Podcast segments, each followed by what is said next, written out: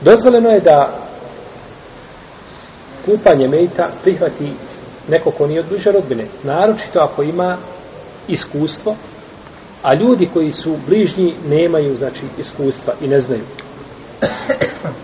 Jer kada je kupala Zeynepu, Umu Atije je kupala, a ona nije bila rodbina. Ali Umu Atije je bila najučenija žena kada je u pitanju, kada je u pitanju kupanje mejta. Dozvoljeno je čovjeku da okupa svoju suprugu. Jer je poslanik sal srme jednog dana kada se vratio sa dženaze, sa beprije, našao je Ajšu da je boli glava. Pa je vikala, o moja glava. Znači od bola. Pa je rekao poslanik sal srme, ne smetati o Ajša ako preseliš prije mene, ja ću te okupati i omotiti u kutine i klanjati ti dženazu. Potom ću te ukopati.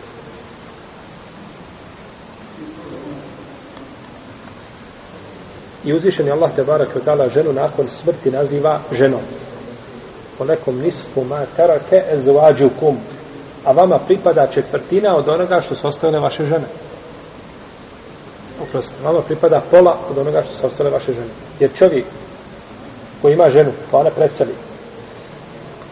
A nema djece, ne sa njim, niti sa drugim čovjekom, pripada njemu polovina.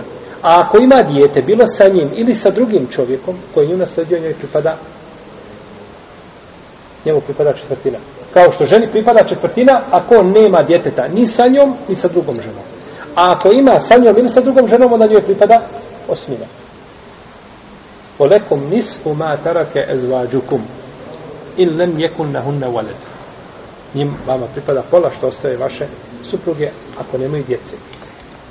Znači, uzvišen je Allah te barak i nakon smrti ju naziva tvojom kako?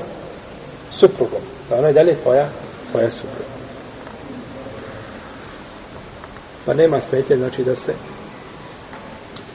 u tom slučaju da se gasi supruga. Ovdje bi morali jedino imati znači, dokaz koji brani. A dokaza nema. Dokaza nema. Međutim, kaže Ebu Hanife, rahimahullahu ta'ala, imame teori, da nije dozvoljeno. I oni to objašnjavaju jedan drugi način. Kažu, kada preseli čovjeku supruga, on može prije njenog ukopa i prije dženaze oženiti njenu sestru. Može li ne može? Ne može ubrstiti, sigurno. Ovo se ne može.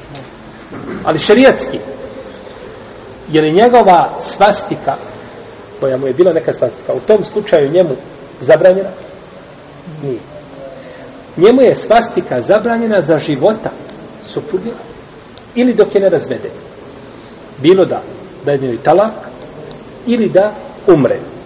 Nakon toga svastika više nije svastika ona je svastika bila nekada u smislu da ti je zabranjena. Tada ti postaje halal.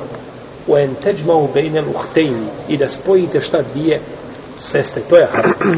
A da se jedna razvede pa da se druga oženi, u protivnom je Osman učinio veliki haram. A komu je dozvolio da ga učini? Osman to, to je nemoguće. Jer je dao svoje dvije kćerke za Osmana. Nakon što je jedna preselila, dao je drugo. Tako. Pa bi bio, onda bi to bilo za... Nikako. To nikad niko od Leme nije rekao. Pa žena preselila i ostala tri ili četiri dana ne daju iz bolnice, hoće nekakvu obdukciju. Primjer. Jel u redu? I odmah punac kaže tome svome zetu kaže, tebi se ostala mala djeca sa mojom kćerkom, a ja imam drugu kćerku. Oženi nju, tetka će biti blaža sa tom djecom i dobročinstvo je činiti više nego šta? Strana žena, tako? I to je zaista logički i tako. Pa je oženi. Kaže, kako će onda kupati onu, pa je onda spojio šta? Dvije sestre. Ima jednu koja mu je dozvoljena, već je oženio, a i ona mu je šta? Dozvoljena da je gleda. A to nije. No, međutim, ovdje je propis mrtve osobe, ovaj, i argumenti ukazuju da je to dozvoljeno, A ako bi bilo zabranjeno, ako bi se uzelo mišljenje, onda bi bilo zabranjeno šta samo u ovoj situaciji. Ako bi bilo zabranjeno, onda bi se moglo samo zabraniti u ovoj situaciji. Međutim, argument ukazuje da je to dozvoljeno, to nema nikakve smije.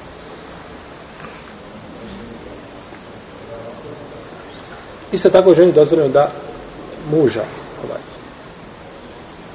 gasuli.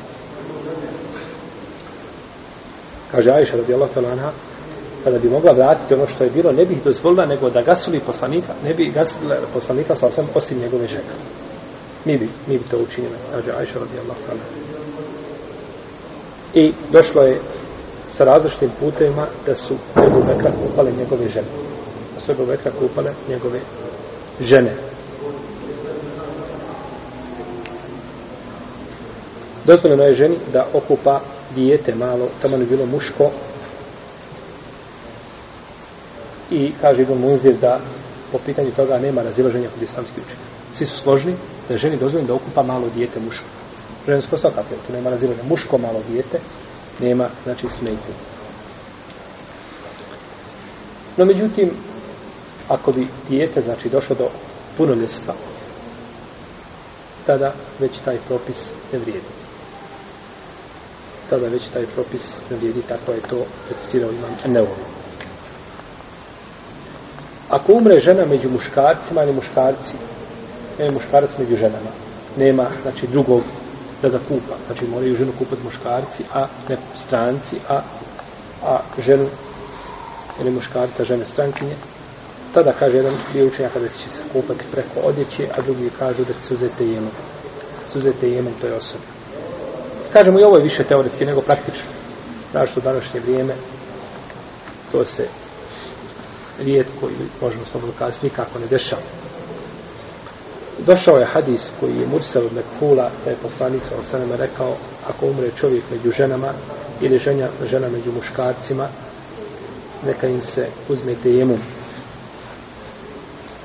I neka se potom ukopaju, jer oni su da stepe noga koji ne može naći vode. Islamski učenjac, kada su ovo govorili, ne su na hadise.